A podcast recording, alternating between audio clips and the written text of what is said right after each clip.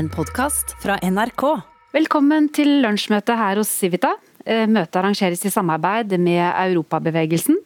Jeg heter Mathilde Fasting og skal lede møtet. Det har vært valg i USA. Europa har vært USAs nærmeste allierte siden slutten av den annen verdenskrig. Men i de siste årene, og spesielt under president Donald Trump, har dette forholdet endret seg. USA ser også ut til å være mindre villig til å forplikte seg til internasjonale avtaler og et transnasjonalt samarbeid enn tidligere. Hvordan vil dette påvirke utviklingen i det europeiske samarbeidet innen EU? Og hva vil det bety for Norges forhold til EU og USA? Altså intet mindre enn store spørsmål.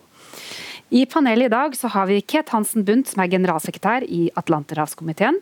Vi har Ulf Sverdrup, som er direktør ved NUPI, og Asle Toje, som er utenrikspolitisk forsker og kommentator. Så Det største, første spørsmålet til dere er rett og slett kan dere alle sammen gi meg en kommentar om valget i USA? Og Jeg starter med deg, Asle.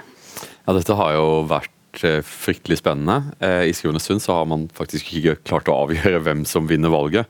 Men det vi kan si er at dette valget ble mye tettere enn det mange eh, kommentatorer og spåmenn hadde forutsatt. Og det er en mulighet for at vi får fire år til med Donald Trump. Jeg er ikke så sikker på om det er så viktig hvem som vinner valget, fordi eh, den holdningen som er i Norge, er også en holdning som er vanlig i mange europeiske land, om at man forholder seg til den amerikanske presidenten amerikanerne har valgt seg. Eh, og på en eller annen måte så har EU funnet en måte å sameksistere med Donald Trump, men det er ingen tvil om at tonen ville bli betraktelig bedre dersom Biden skulle vinne. Mm. Kate? Jeg tror at dette jevne valgresultatet viser at Donald Trump ikke er en anomali. Han er ikke bare et blaff. Trumpismen er på mange måter kommet for å bli amerikansk politikk. Han målbærer en del interesser og velgeroppfatninger som vi kanskje har undervurdert betydningen av. Jeg tror vel kanskje at det har litt større betydning om vi skal ha Trump sittende ved makten i åtte år enn i fire år, for samarbeidet internasjonalt. Nettopp fordi at han har brukt sine første fire år til å trekke USA ut av en rekke internasjonale avtaler. Han har demontert på mange måter etterkrigsperiodens eh, amerikanske og internasjonale orden. Så jeg tror vel at eh, hvis Biden kommer til makten nå, så vil han gjenetablere noen av de pilarene for frihandel, for eh, internasjonalt samarbeid, sikkerhetsgarantien for Europa eh, osv. Men ikke så sterkt som det ville vært hvis man hadde hatt en demokrat for fire år siden. Mm -hmm. Ulf?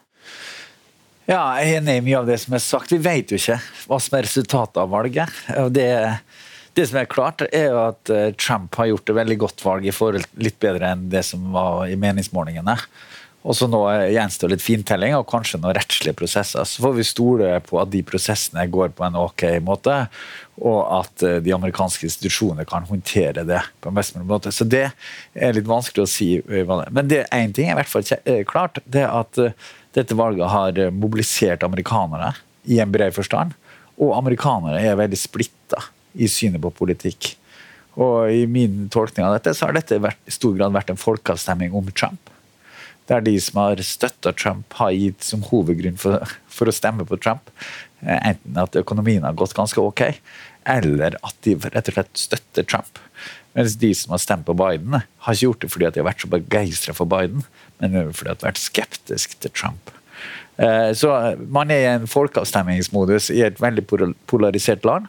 Og det, det i seg selv, litt uavhengig av hvem som blir president, tror jeg er en veldig viktig føring for hvordan Europa og resten av verden skal forholde seg til USA. Det transatlantiske samarbeidet er veldig viktig. Men jeg tror at Europa, på samme måte som asiatiske land, må forholde seg til hele USA, ikke bare til én president. Mm. Så presidenten i USA, det er klart at eh, det er den vi snakker om, eller den personen vi snakker om når vi snakker om valget i USA. Men eh, det er også institusjoner og diplomati og veldig mange andre ting som selvfølgelig støtter opp om hvordan forholdet mellom USA og Europa er. Eh, og Derfor så kan man også stille spørsmål om det er veldig stor forskjell på hvem som sitter på toppen i USA, eller om alt dette under spiller en vel så stor rolle i hvordan forholdet mellom USA og Europa blir.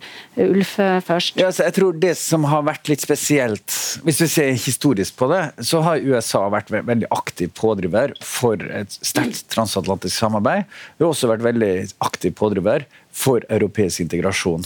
Uh, altså Marshall-hjelpen kom med den forutsetninga at europeisk integrasjon skulle skje. EU vært, altså USA har vært aktiv uh, støttende til etablering av indre marked, aktiv støttende til utvidelse av EU og til mange sider av EU. Og kanskje mange av de tingene som har skjedd i EU, ville ikke ha skjedd uten amerikansk positiv støtte og hjelp. Dette har over tid endra seg litt. Eh, så amerikansk eh, politikk generelt har blitt litt mer kritisk til europeisk integrasjon, eller flere spenninger rundt det. Men det som har vært med Trump, har vært at det er mange elementer av kontinuitet, sånn som Asle tar opp. Men det er et par ting som er litt spesielt. og Jeg tror det lønner seg å skille litt mellom Det er noen politiske forskjeller. I ulikhet i politikk. Eh, og så er det noen ulikheter i verdier og syn på hva som er et godt samfunn. Og så er det noen ulikheter i stil. Og så har det vært en usikkerhet rundt eh, Trump eh, om hva som er forholdet mellom hva han sier og hva han faktisk gjør. Så summen av disse aspektene, ulikheter i politikk, ulikheter i syn på institusjoner, verdier og hva som er riktig retning å gå, og det har skapt stor usikkerhet i Europa. Uh, og Hvis dette utfallet ligger der, og Trump blir, blir, valgt til president, så kommer jo den usikkerheten sannsynligvis bare til å forsterkes. Da vil jeg bare hekte på et spørsmål til dere to også, som dere kan eh, ta med videre. og Så kan du se om du har en kommentar til det. Men du sier jo egentlig at én ting er realpolitikken og hva som faktisk eh, skjer, og at det da kanskje ikke er så store, store forskjeller egentlig, men så har du dette veldig viktige aspektet om verdier og, og kultur, og rett og slett også hvordan ulike presidenter kommuniserer Eh, og hvordan de oppfører seg, som kanskje vil jeg si speiler hvordan mange europeere ser på Trump, nettopp fordi vi har fått twittermeldinger Twitter-meldinger eh, døgnkontinuerlig i fire år og har dannet oss et bilde av hvordan den personen er, men kanskje ikke sett politikken så mye. Så det handler jo om verdier og hva man står for. Så hvis du skulle si noen ting om det, altså glemmer vi, eller er det veldig lett å, å ikke få med seg det realpolitiske, nettopp fordi at denne kulturelle, holdningsmessige siden har overskygget Eh, veldig mye av det som skjer? Nei, men jeg tror uh, Altså, eh, Trump har ikke noe særlig tro på allianser og på uh, relasjoner som bygges opp gjennom verdifellesskap. Han tror på samarbeid dersom det er eh, nyttig, gjensidig nyttig, og spesielt nyttig altså ivaretar hans interesse eller USAs interesse. Så Det er liksom grunnideen. Så det å appellere til verdier og allianser i seg selv tror jeg ikke Trump er så særlig opptatt av. Eh, det som har vært litt av opplegget, er at Trump har sagt et par ting om Nato, om EU og andre ting, men han har ikke han har sagt at han kanskje skal trekke seg ut av Nato, han har ikke trukket seg ut av Nato. Han har sagt at han skal sette i gang handelskrig med Europa, men han har ikke gjort det. Det er mange ting som han har sagt at han ønsker å gjøre, som han ikke enten har gjennomført eller eh, fått til. Ikke sant? Så, og Det tror jeg er det store spenningsmomentet hvis Trump blir valgt i andre periode. Er, er sånn at da vil han ha, gå videre på noen av de mer la oss si, radikale prosjektene sine, eller om vil han, vil han fortsatt bli forhindra til å gjøre, eh, forfølge de ideene. Mm, det er mange ting her nå, men Kate først. Jeg tror kanskje vi skal ta han på ordet. I hans innsettelsestale så sa han 'America first', og det har han levert på. Han har ført en proteksjonistisk økonomisk politikk. Han har rullet tilbake en god del av globaliseringstendensene i USA. Så ser Joe Biden har jo gått til valg på at vi skal ta jobbene tilbake til Amerika i sin eh, eh politikk overfor Kina. Eh, og han har ikke spilt på lag med eget embetsverk. Det står en rekke ledige poster igjen i State Department, altså UD i USA. Eh, han lytter ikke til sin etterretningstjeneste. Han lytter heller ikke til sine rådgivere, som har gått inn og ut av Det hvite hus i ganske hurtig tempo. De sitter ikke der, de som ble med ham for fire år siden, for å si det sånn. Så han er jo en mann som um, styrer unilateralt, personlig. Ifølge uh, Bolton, som var hans sikkerhetsrådgiver en liten periode, så styrer han etter magefølelsen. Og han er veldig glad i autoritære verdensledere. Og der etablerer han personlige forhold til Putin, til Xi Jinping, eh, til Nord-Koreas leder. I mye sterkere grad fokuserer han på det eh, enn å spille på lag med sine gamle partnere i EU og Nato som han på mange måter har eh, kjeftet på, ikke kommer godt overens med. Eh, skjønner ikke helt hvordan EU fungerer som et handelssystem. Eh, hvordan Angela Merkel er nødt til å fortelle han at du kan ikke inngå en handelsavtale med Tyskland, for vi har en felles handelspolitikk i EU. Så her har han jo en annen stil, i hvert fall, må man kunne si. Og det skaper jo også andre realpolitiske konsekvenser. Mm. Asle? Selvfølgelig er personlighet viktig i internasjonal politikk. Eh, men la, la, la, oss ikke glemme, for det gjør vi ofte. Jeg satt og leste en bok av Halvor Elsvik fra 1982 i går, eh, om valget i Amerika.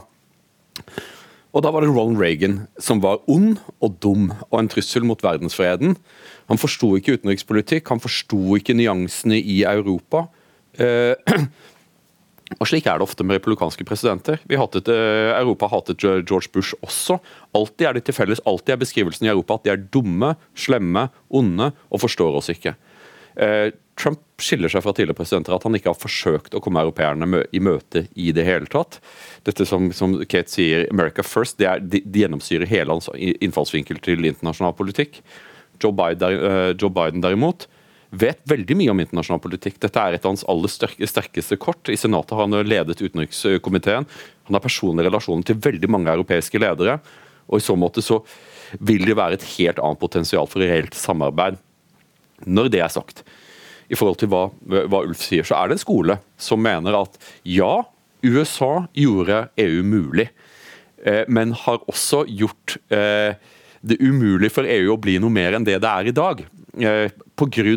Nato-alliansen og pga. at USA har så mange bindinger til, til, ulike medlemsland, spesielt Storbritannia. Nå er Storbritannia på vei ut. Og kanskje det kan være slik at et Amerika som i fire år ledes under slagordet 'America First', vil nødvendiggjøre en styrking av EU, og at det vil bli synlig også for de land som har vært veldig bekvemme med å ha en hegemon på den andre siden av Atlanterhavet, som ikke legger seg så mye opp i vår politikk, Eh, og, og, heller satser på sine nasjonale eh, posisjoner. Mange i Europa vil nok kanskje føle at mange land er i ferd med å bli for små for den stormaktsrivaliseringen som er i ferd med å vokse opp. For la det være åpenbart, verken Joe Biden eller Donald Trump kommer til å bruke veldig mye tid på Europa de neste fire årene. De er enige om at den store utfordringen ligger i Asia, vis-à-vis Kina.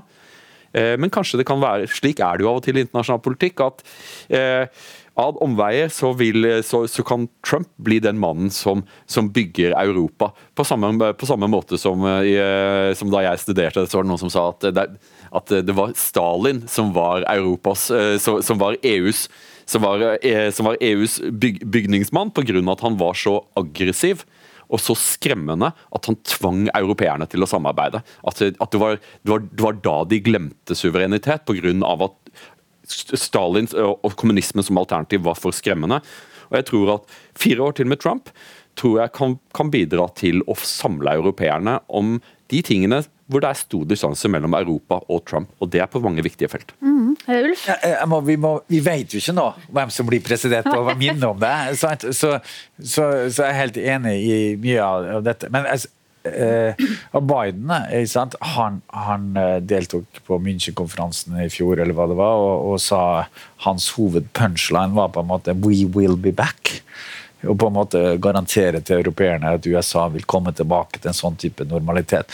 Et, eh, mens, Biden, nei, mens, Trump har vært vanskelig. Jeg tror, eh, Hvis du ser på hva europeiske regjeringer har gjort, og EU har gjort eh, i de årene med Trump, og også i hvordan de har posisjonert seg nå i forkant av dette amerikanske valget, så tror jeg hovedideen har vært at de må forholde seg til den enhver tid sittende presidenten i USA. Og de må gjøre det på en saklig og god måte.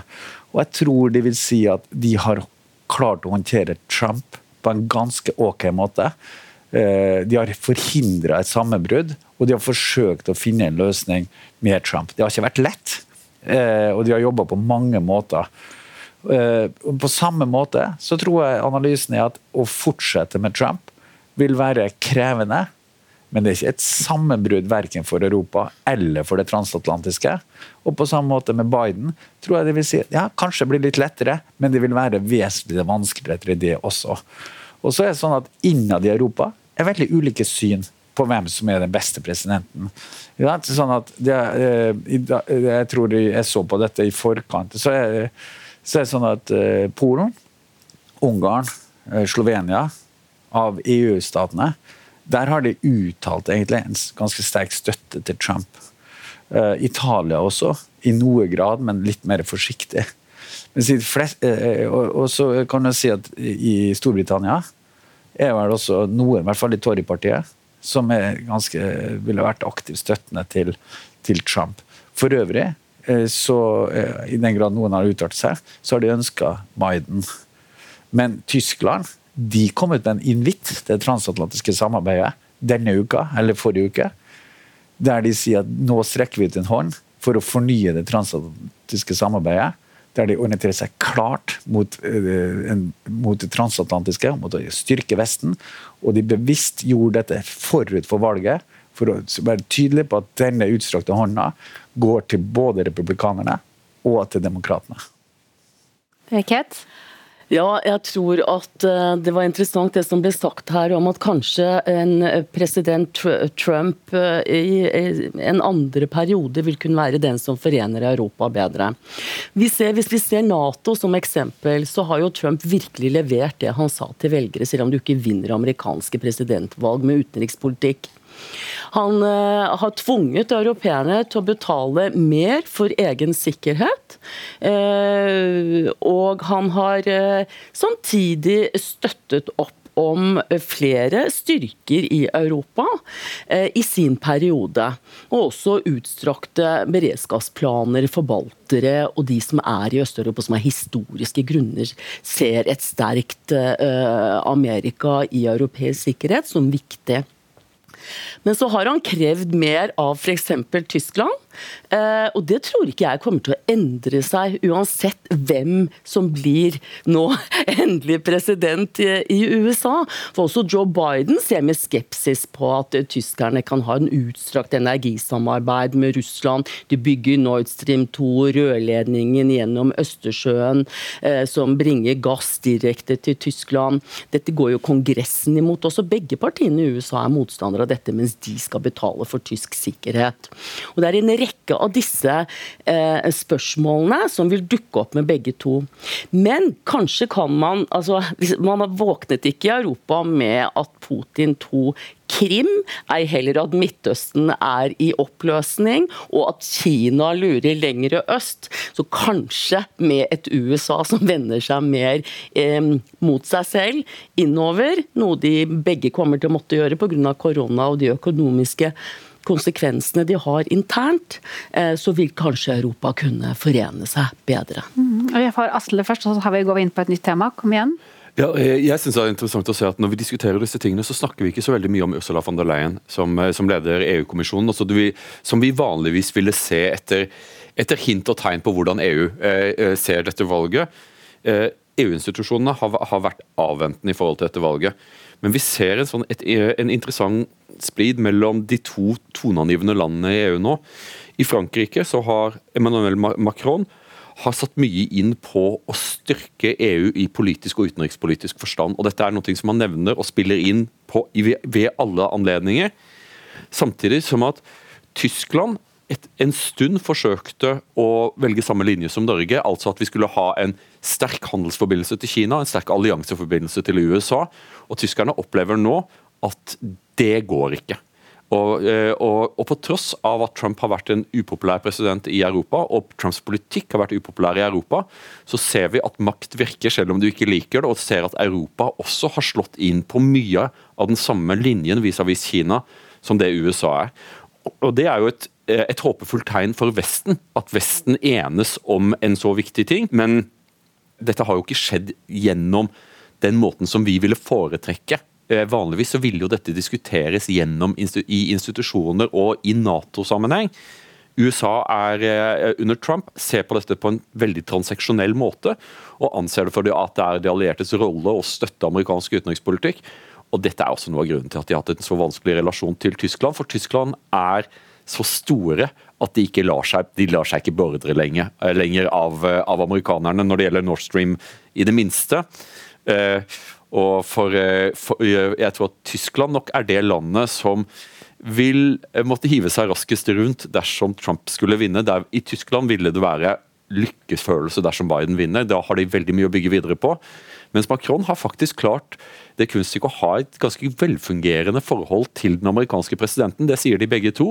Eh, som, eh, og det, dette er også noe som franskmennene har investert mye i. Her var det to kommentarer. Skal vi se, først. Jeg er helt enig med det, med det Asle sier eh, om at Europa er i ferd med å ta litt mer seriøst sin spørsmål om liksom, europeisk koordinering rundt utenrikspolitiske spørsmål.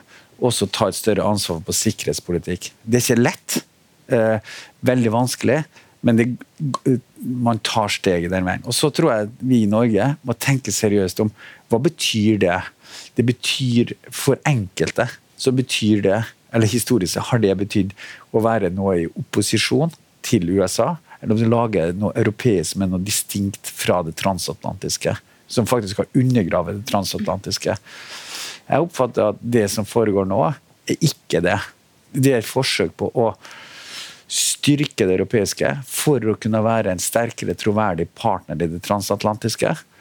Og også en erkjennelse av at mange av de sikkerhetspolitiske utfordringene som det transatlantiske skulle hjelpe til å håndtere, som ligger rundt det europeiske, våre nærområder, det vil ikke USA kunne gjøre i så stor grad. Så det er et spørsmål om arbeidsdeling.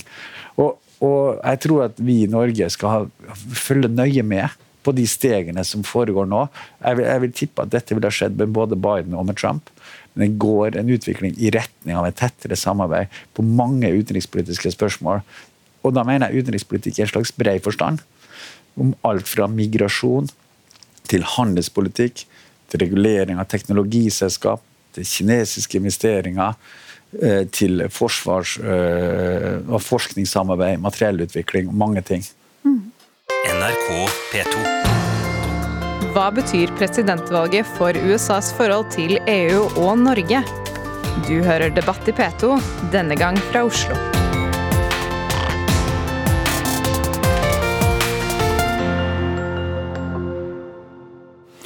Kunne man nesten si at, eh, at utviklingen, uh, uansett amerikansk president, også for, for, fire år siden ville gått litt i den retningen av at Europa hadde måttet ikke akkurat gjøre opp med seg selv, men i hvert fall tenke over hvilken rolle Europa som region skal ha på verdensbasis, uavhengig av USA.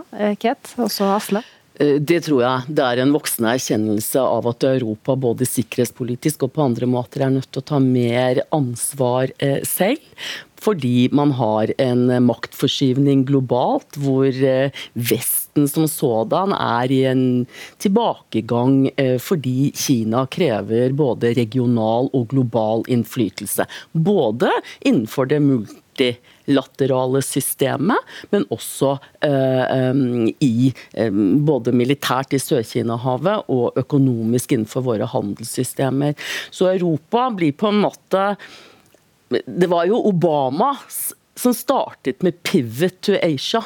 Snudde seg mot Asia, så Kina komme, og der må USA være på vakt og møte Kina i sin region. Det vil kreve, mener mange forskere, at Europa må ta seg av Russland sikkerhetspolitisk, og også et Midtøsten eh, som på mange måter er i Statssystemet i Midtøsten er fortsatt inne i en oppløsningstendens. Og det skaper flyktningkriser, det skaper terrorisme i Europa, som vi har sett nylig.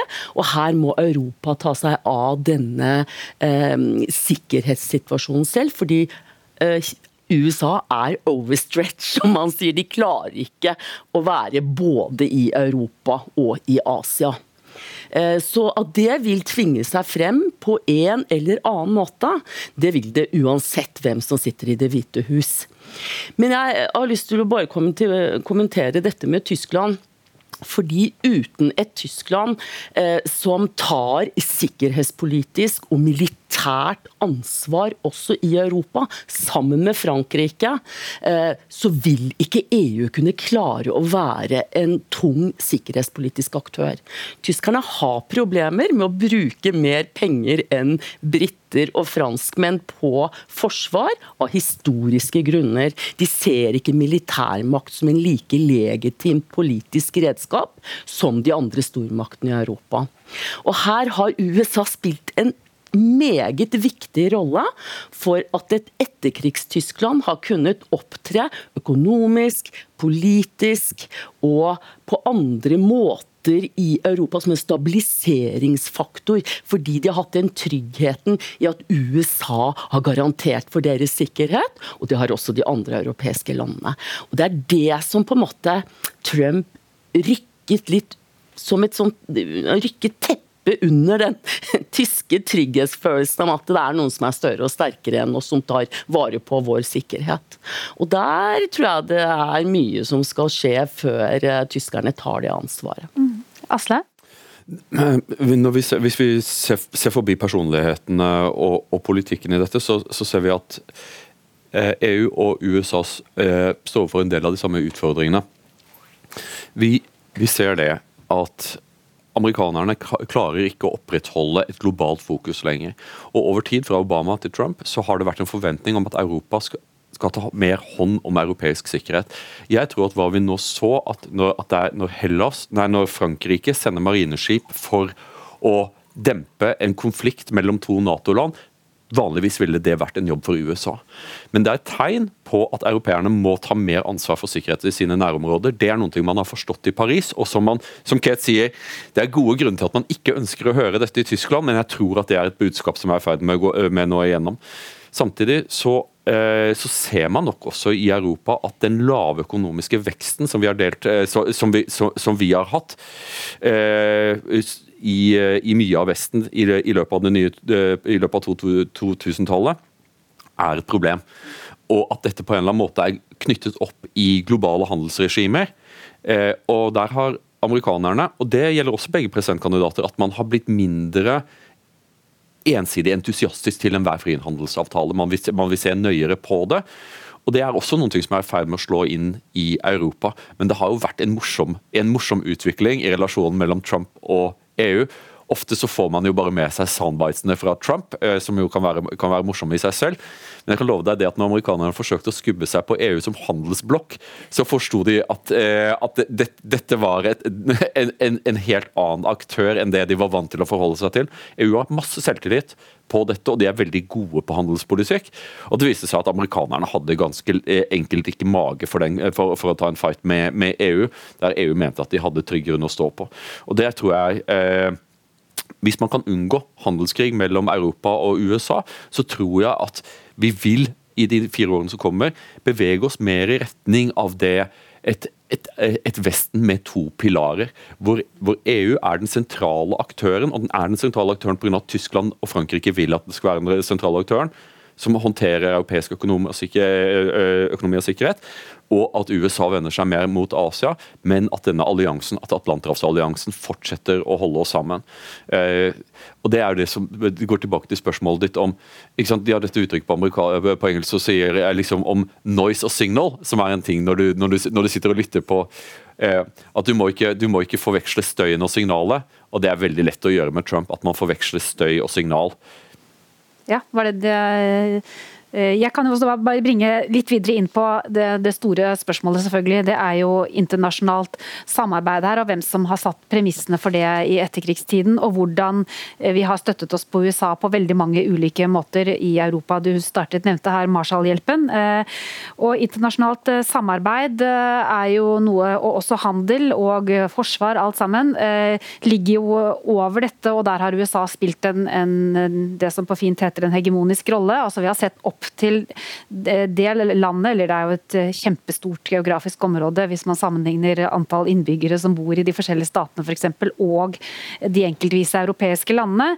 Og selv EU som blokk eh, er jo altså sammenlignbar. Det er to blokker, men likevel, USA er kjempesvære og har en veldig stor økonomi. Men nå når man ser at man, disse, de trekker seg mer ut av dette, vil ikke kanskje ha denne rollen på alle de feltene som de har hatt, og vært også grunnleggende viktig for veldig mange internasjonale organisasjoner som vi kjenner til i dag, men snur seg da mer mot, eh, mot eh, Kina. Eh, og også ser på at det er en annen global akse enn det det har vært eh, tidligere. Eh, hvordan kan vi ivareta internasjonalt samarbeid med en så stor spiller, hvis de ikke ønsker internasjonalt samarbeid på den måten som vi har vært vant til hittil? Og, hvordan kan Europa forholde seg til at større organisasjoner som FN, WTO, sånne blir svakere, og i tillegg selvfølgelig også Nato, som dere har vært inne på. Ulf først. Ja, altså, uh, Det er en lang prosess i USA. altså at USA har jobba for å først etablere en internasjonal orden, og så gradvis i ferd med å trekke seg ut av den, uh, den internasjonale orden. Og Det er flere grunner til at uh, amerikanere, ikke bare Trump, men andre også, ønsker å trekke seg mer ut av det. Det første er jo at de ønsker ikke å underlegge seg noen andres regler. og Samtidig så mener jeg at den orden ikke er sterk nok eh, til å balansere i forholdet til eh, Kina. Så, eh, så, det har vært en lang prosess. da, Må gradvis trekke seg ut av flere av disse tingene. og Det ene er jo WHO, men det er også et grunnleggende spørsmål om fremtiden til Verdens handelsorganisasjon. Bare for å nevne ett eksempel. Jeg tror at dette henger sammen med en av de største utfordringene i det transatlantiske samarbeidet i det videre. Og det er nemlig hvordan USA eh, og Europa samarbeider eller konkurrerer om politikken overfor Kina. Så det er lett å se at det vil være noen områder der USA og Europa vil være sammen eh, med, mot eh, Kina. Mens det kan være områder der man kunne tenkt seg å kunne konkurrere i forholdet til, eh, til, Kina. Og det kan også være områder der man kan være i, rett og slett i konflikt på hvordan man håndterer Og Det er vel et av de største risikofaktorene, tror jeg, i forholdet til, eh, til eh, USA. Hvis Biden blir president, så vil han legge mye vekt på å samordne Europa og USAs politikk overfor Kina. Trump vil sannsynligvis ikke bry seg så mye om det, men, men samtidig Eh, kunne straffe Europa hvis man ikke ønsker å følge USA. Mm. Kate? Ja, Den liberale verdensorden som ble oppretta etter annen verdenskrig, altså det viktigste med den er vel det regelverket, at det er en rettsbasert orden. Det har vært veldig viktig for uh, europeere, og for småstater ikke minst, som Norge. Og det har vært USA som har vært garantisten for denne. Jeg tror at den geopolitiske endringsprosessen verden er inne i, maktforskyvningen, gjør at dette systemet fungerer ikke like godt som det gjorde tidligere. Uh, man snakket om handelspolitikk her i Verdens handelsorganisasjon. altså Kina kom inn i den i 2001. De har brutt samtlige regler. De subsidierer sin egen handel, de stjeler teknologi, de under eh, Eller eh, manipulerer sin egen valuta. Så, så systemet har ikke fungert. Og det å få eh, reformert dette systemet, det tror jeg også er noe av tankene til begge eh, presidentkandidatene i USA. Eh, det samme gjelder eh, for så vidt Nato. Vi må få til en arbeidsdeling mellom europeere og amerikanere internt i Nato. Det har vært en meget lukrativ forsikringsordning at amerikanerne betaler over 70 80% av Natos eh, forsvarsutgifter, som eh, da 29 andre europeiske land nyter godt av. Det er klart det, altså Burdenskjeling, byrdefordelingsspørsmålet, kom ikke på bordet med Donald Trump. Det kom allerede under Kennedy.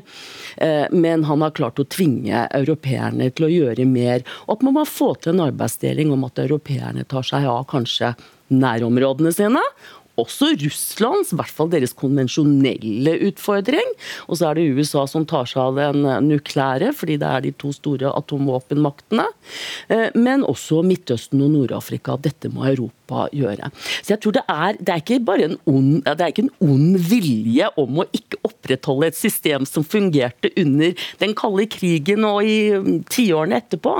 Det er noe med at dette systemet fungerer ikke like godt lenger. Ser man også i FNs sikkerhetsråd, hvor Kina, og Russland og USA sitter på hver sine eh, kanter når man tar opp viktige spørsmål for å komme frem til en omforent eh, løsning for det gode for verden, liksom. Det, det funker ikke. Asle? Nei, det, det, det, som jeg tror er, er, en potensiell utfordring for EU, er dersom eh, Trump skulle forsøke å stille seg på siden til, eh, til, de landene som ble nevnt, Polen, Ungarn, Slovenia, i disputter innad i EU, og gjøre seg til maktfaktor i, i EU. Det tror jeg vil, det vil skape veldig mye brytning innad i alliansen. Og det, og det er noe som Trump kunne finne på å gjøre, som ingen annen president før han ville ha gjort. Når det er sagt, så eh, Selv om Trump og, og Biden forholder seg til samme virkelighet, og sannsynligvis vil ende opp i samme lende på viktige felt, så må vi også ta med at den transatlantiske alliansen er ikke bare et fornuftsekteskap, det er også et verdifellesskap. Og det som har holdt Vesten sammen, er en, en grad av dialog og, og, en felles forståelse av problemer som har blitt møysommelig bygget opp, bl.a. av av akademikere, gjennom utvekslinger, Fulbright, alle disse tingene her. En del av disse båndene har blitt svakere under Trump, det kan vi ikke, det kan, det kan vi ikke eh, se bort ifra. Og jeg tror at eh, en Biden-administrasjon vil nok investere mer i Europa pga. at de ser hvor viktig det er å ha med Europa for å legitimere amerikansk politikk i internasjonale institusjoner. Det er en helt annen måte å drive det på. Mens, mens Trump eh, ønsker å knipse i fingrene og, og be de allierte stille seg opp bak, eh, bak han, så, så, vil nok, så, vil nok, Biden gjøre det arbeidet med å få europeerne til å se verden på samme måte som det han selv gjør. Og Det er nok ingen dårlig idé i en, i en, i en alliansekontekst. Pga. at eh, den frustrasjonen som mange amerikanere har følt med europeerne, det går helt tilbake til Kennedy i alle fall. Eh, og den måten man vanligvis har forløst dette på, er gjennom å ha en åpen eh, og, og velmenende dialog med hverandre og komme fram til et punkt der man kan stå, hva man kan stå sammen om. Og Dette har Trump forsømt, og det er det grunn til at Biden ikke vil gjøre. Og Det har, det har noe å gjøre med måloppnåelse. Jeg tror at det er mer sannsynlig at USA vil oppnå sine målsetninger vis-à-vis -vis Kina eller vis-à-vis -vis handels, eh, handelsbalansen, eller vis-à-vis sitt globale alliansesystem gjennom eh, å behandle sine allierte med en større grad av respekt enn det de har gjort de siste fire årene. Og Det er også noe av grunnen til at mange allierte ikke ønsker seg fire år til med Trump det er ikke bare en sånn partisanship eller fordi man ikke liker konservative. eller noe sånt. Det er også pga. at det er vanskelig å være USAs allierte når man må sitte og vente på, eh, på, på neste tweet, fra presidenten, og alle de kanalene hvor vi vanligvis har forholdt oss til hverandre, har, har blitt plogget opp, og, eh, og det er ikke samme informasjonsflyt som før. Dette er NRK P2. Hva betyr presidentvalget for USAs forhold til EU og Norge? Du hører Debatt i P2.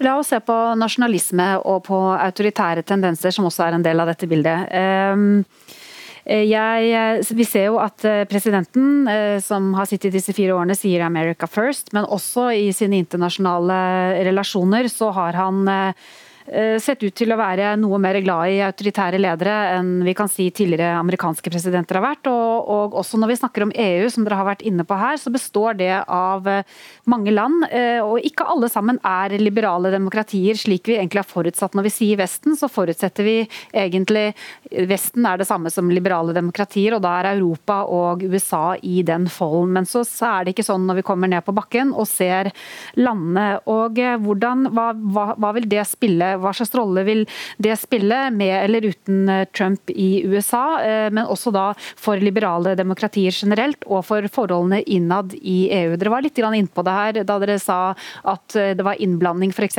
i Polen, Ungarn På vegne av Polen og Ungarn, ja. ikke sant. Så, så hva, hva har dere kommentarer til den utviklingen? Og Kina har jeg ikke nevnt engang, men det sier seg selv at det er ikke et liberalt demokrati.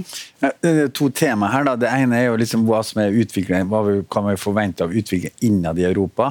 Og så er liksom forholdet til andre stater. Du kan ta begge deler. Ja. Så hvis du tar det innad i Europa, så, så er det sånn at uh, du kan si uh, Det har jo vært en oppsving av uh, populisme i Europa som på en måte har flørta litt med spørsmål om institusjoner og rettssikkerhet. Og sånn. de har utløst store spenninger innad i Europa. Men de aller, altså, og det er da særlig konsentrert liksom, motstand mot utviklinga i Polen, Ungarn og en del andre ting. Jeg oppfatter at det er en veldig vanskelig situasjon for EU. Eh, for det er på en måte en rød grense. Eller en sånn no go-sone for mange land. Men samtidig så har man begrensa virkemiddel for å påvirke og stoppe de uh, prosessene. Uh, og måten man tenker seg å håndtere dette på, er jo da eh, å stoppe kanskje budsjettoverføringer og finansielle prosesser. Det er det, det, der det ligger nå, eh, i tillegg til en annen type press. Men det er ikke en måte å ekskludere land på. Eh, så, eh, så det, men dette er en veldig vanskelig ting. Og, og, sånn som vi er inne på, Hvis Trump vinner, så vil jeg tippe at noen av de landene vil tenke å ja, da har vi en annen kanal. Vi, vi har mulighet til å fortsette vår utvikling, fordi Trump er ikke så opptatt av den sida ved politikken. Men jeg tror EU på sin side vil være forsterka i troen på eh, rettsstat og på institusjoner. Så, så, det blir en indre spenning i Europa. Joe Biden eh, hadde, om han har skrevet den selv eller om det er noen som har skrevet den, så er det en artikkel i Foreign Affairs utgave, marsutgave, hvor han tar til orde for hva han vil gjøre utenrikspolitisk. Og Han sier at han, det første året vil han innkalle til en, eh, et toppmøte for demokratier. For å forankre forankre og institusjonalisere demokratiene i verden. Og, og um, også um, komme med en erklæring om hvordan man skal jobbe videre for å motarbeide både korrupsjon, andre forhold som svekker demokratiene. Uh, og Vi står jo også overfor en situasjon hvor uh, um, det å påvirke manipulere demokratier er blitt en sikkerhetspolitisk eh, og maktpolitisk eh, mm, et verktøy. Det at man kan bruke moderne teknologi og så videre og påvirke demokratiene, fordi vi er sårbare. Og jeg tror, Her tror jeg det vil skille mellom de to eh, presidentene, eller presidentkandidatene. Fordi Trump jo har både støttet seg på høyrepopulistiske regimer i Europa, og har også tidvis selv vært mindre opptatt av demokratiske prosesser eh, og mm, liberale verdier. Så her tror jeg det er en ganske stor skille mellom dem. Mm. Asle? Eh, jeg tror at eh, det, det punktet på, på dagsordenen som, som, kommer først i spill her, er brexit jeg tror at britene, dersom, de, dersom Trump skulle, skulle, vinne valget og løftet gis om at en, en stor handelsavtale raskt vil komme på plass med USA, vil sannsynligvis tror jeg vil gjøre britene mindre interessert i å krype til korset i forhandlingene med EU. Begge sider har gode poenger i disse forhandlingene, det er komplisert. Eh, men eh, med, med Biden som amerikansk president, så tror jeg at, EU, at britene vil ha få andre alternativer enn å se veldig nøye på EUs kravliste, om de våger å gå ut uten en avtale. Det er den type ting som, som, som USA kan, kan, bidra med i forhold til, um, i forhold til uh, uh EU. Men en, en trend som jeg mener å se i EU, er at Gjennom 1990-tallet så gjorde EU seg definerte EU seg som en liberal organisasjon, en manifestasjon og en budbringer for liberale verdier i global skala. Og det, eh, og det, ble kalt mange ulike ting, om det var European values eller normer eller menneskerettigheter. Eh, og så vokste det opp en sterk konservativ bølge øst i Europa. Lenge så var det EUs holdning at disse, disse eh, landene skulle marginaliseres. Sånn som Ulf sier at det var diskusjoner om man skulle begynne å kutte i budsjettene til land som Polen og Ungarn. Men det, har, det, er et splittet Europa i ideologisk forstand mellom et mer liberalt Vest-Europa mer konservativt Øst-Europa. Og Når du ser på uttalelser fra Tyskland, så ser man at man begynner å definere Europa ut ifra interesser og ikke verdier. og Det tror jeg vil være helsebringende for Europa. Det å også si, si, at vi som er sammen i denne unionen har interesser som ikke er høytflyvende og vanskelig å forstå, men som er fysisk, som er, som er målbare interesser som vi skal forsvare. Uh, og det jeg tror uh, dersom Trump skulle vinne, så tror jeg at EU blir nødt til å legge av seg en del av det å være eh, det liberales fanebærer, og plutselig er vi et helt annet lende. Hvis EU skulle, skulle, skulle, tone ned det å være den forsvarer, det store forsvareren av internasjonale institusjoner og i den multilaterale måten å gjøre eh, internasjonal politikk eh, på.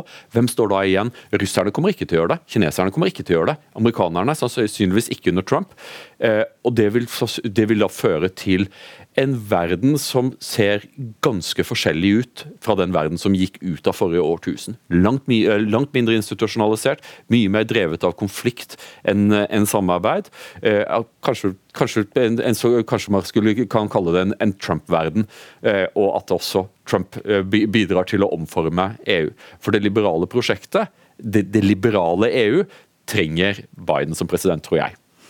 Eh, det var det som, det som, bringer meg over på det neste spørsmålet, nemlig la oss snakke litt om, om, EU internt, og også da selvfølgelig brexit, som du startet på nå. Eh, rett etter at brexit, eller vil si den kom jo rett før eh, Trump ble valgt til president, så det, det året der det var spesielt for alle som hadde trodd på, på, fortiden, for å si det sånn. Men brexit ser i hvert fall ut til å ha ført til en sterkere integrasjon i EU, og vi står der nå foreløpig uten noen endelig avtale med Storbritannia Storbritannia. Eh, og som du har vært inne på da du sa akkurat nå, Asle, hvordan det kunne eventuelt forholde seg med ulike presidenter i USA i den relasjonen der. Men innad i EU, eh, nå, når eh, vi tror at, at EU er sterkere sammen enn de var At det brakte, altså ikke blir flere land som velger å forlate EU, som man kunne kanskje tro da brexit kom. Men så sier også Asle her at han tror ikke at de liberale ideene som EU bygget på, vil være det som EU kommer til å fronte videre, men derimot interessepolitikk. Eh, har dere to noen kommentarer til hvordan EU utvikler seg videre nå? I, i, eh, blir, vi, blir, EU det liberale fyrtårnet, eller blir det interessepolitikk der også? Og hva vil være de samlende elementene i EU fremover? Okay, jeg tror uh, at vi må skille mellom at disse prinsippene om rettsstat og demokrati tror jeg EU kommer til å være særlig opptatt av i sin indre anliggende i forhold til andre land innad i EU. Men de kommer til å ha mindre, uh, høy, mindre høye ambisjoner om å være effektive til å eksportere de verdiene. Det tipper jeg også. Så ikke et nytt gammeldags USA? Altså, Nei, altså Europa må forholde seg til et endra USA og en endra verden, og Europa må legge mer vekt på å sikre og ivareta sine interesser. Og de har disse interessene. Så, så det, så det, men det er jo ikke noen enkel eh, prosess å holde EU sammen. Vi ser hvor vanskelig det har vært eh, med brexit-forhandlingene. Eh, selv om EU har holdt sammen, så får vi se. Enda er jo ikke den overgangsavtalen gått ut. Jeg tror at brexit ikke er den største utfordringen for EU. Og hvis du spør EUs medlemsland, så er det kanskje prioritet nummer syv eller åtte i dag. Men den store utfordringen er jo korona. Det er en veldig stor utfordring. Sånn økonomisk vekst og langsiktige ting. Migrasjon er et stort spørsmål. Forholdet til Russland, forholdet til Midtøsten. Og ikke i disse dager så er jo forholdet til Tyrkia og de deler av den muslimske verden også veldig krevende for mange europeiske land. Og her tror jeg det Asle er inne på er veldig viktig. Altså, når Irland ble satt i en pressituasjon overfor Storbritannia, så valgte EU å støtte Irland når eh, Hellas og Kypros ble pressa av Tyrkia i, i østlige Middelhavet, så støtter EU Hellas og Kypros. Og når Frankrike nå ble utsatt for boikottaksjoner eh, fra Tyrkia, så kommer det til å være EUs handelspolitikk som må svare i forhold til det. Så, og det, det, er dette som er i ferd med å skje i Europa. At uh, man må på en måte støtte noen av de små landene. Og gjennom det så bygges det en slags europeisk politikk. Det er en veldig lang, krevende prosess, og, og den uh, krever mye ressurser. Og det er ikke sikkert at uh, man kommer helt i mål. Ket? Nei, jeg tror også EU har jo ikke vokst vokst økonomisk eh, som helhet de siste tolv årene. Eh, det er veldig ujevn økonomisk vekst mellom nord og sør. Du har splittelser øst-vest eh, pga. flyktningpolitikk, alle disse krisene som Ulf er inne på her, som han har stått overfor, også overfor Russland. Uten et tett fransk-tysk forhold, nå når britene er ute, så tror jeg ikke EU vil klare på sikt å stå samlet ovenfor de utfordringene som fortsatt ligger der. Eh, så mye avhenger egentlig av hvem som overtar etter Angela Merkel neste år. Det skal være valg i Tyskland. Hun har sittet ved roret i EUs eh, e største stat i 15 år. Hun har sittet i tysk politikk i 30 år. Så man må få noen som ønsker å samarbeide med et Frankrike og en fransk president som endelig forstår at han ikke er valgt som president for Europa, men for Frankrike. Fordi de må finne et interessefellesskap eh, som eh, er mer sånn konkret, det er jeg helt enig i, om å løse de oppgavene som kommer ramlende inn over det europeiske kontinentet nærmest daglige. Eh, basert på verdier, ja, og et liberalt demokrati, men det er liksom oppgaveløsningen. Hvordan få økonomisk vekst, hvordan stå samlet, hvordan håndtere hele koronakrisen. Den har jo bare fordypet mange av de splittelsestendensene vi har sett i Europa og i verden for øvrig eh, i løpet av de ti månedene den har herjet. Eh, så jeg tror på en måte at man må få de to store til å samarbeide og så må man også inkludere de mindre europeiske landene, men, men, både i øst og vest. Bare si på korona. Jeg vil jo si, og det tipper jeg du er enig i, altså den budsjettavtalen mellom Tyskland og Frankrike og andre land om å sette opp dette koronafondet, tenker jeg er et veldig viktig steg i retning av europeisk samarbeid. Og tilsvarende Eh, og profilere mange av disse pengene også mot en grønn transisjon, tenker jeg er også en slags frempek til i hvert fall en rett, uttrykk for en retning man ønsker å gå for å drive frem konkurransekraft. Det er helt enig at den eh, budsjettpakken man fikk på plass, som en del også av langtidsbudsjettet, for å avhjelpe manglende økonomisk vekst og stor forskjell mellom de som er rammet sterkest og minst, eh, var veldig viktig. Fordi Tyskland for første gang innrømmet å ta opp felles lån og stå samlet bak det. Men det er jo ennå ikke realisert. Og i dag så står man altså oppe i en mye sterkere koronakrise enn hva vi gjorde i vår. Mm. Arbeidsledigheten i Tyskland vokser sterkt. De bruker store deler av sitt overskudd nå på å pøse inn i økonomien. Det kan ikke mange av de andre landene gjøre, som Tsjekkia. Eh, Frankrike står også oppe i eh, problematikken med terror igjen. Så det er klart at det er veldig mange oppgaver som skal løses hele tiden. De får til samling innimellom. Og så får man se at det er grenser på en måte for det, fordi det har også vist at nasjonen er seg selv nærmest. Da bringer dere meg over på, på, det siste spørsmålet som jeg tror vi rekker, nemlig det du sa nå, nasjonen er seg selv nærmest. Og så ser vi alt det vi nå har snakket om. Korona flyr over grensene som bare det. Det gjør også klima, det gjør eh, migrasjon i den grad vi ikke kan stoppe dem fysisk. Eh, eh, og det er en rekke andre ting også som, som påvirker Europa, og som gjør at enhver ville tenke at man står sterkere sammen, og at man bør samarbeide om å løse disse tingene, enn det motsatte innenfor eh, nasjonens grenser. Nå er ikke Norge medlem av EU, men eh, men eh, hva har dere av sterke sider, hvis dere skal gi oss noe håp her i det hele tatt? For nå har vi snakket veldig, det har vært veldig mye utfordringer og veldig mange store problemer. Men er det noen lyspunkter? Er det noen steder hvor Europa kan både ha vist eller kan eh, være sterke fremover, og hvor det er viktig å, å sørge for at det skjer? Altså noe positivt å komme med på slutten her.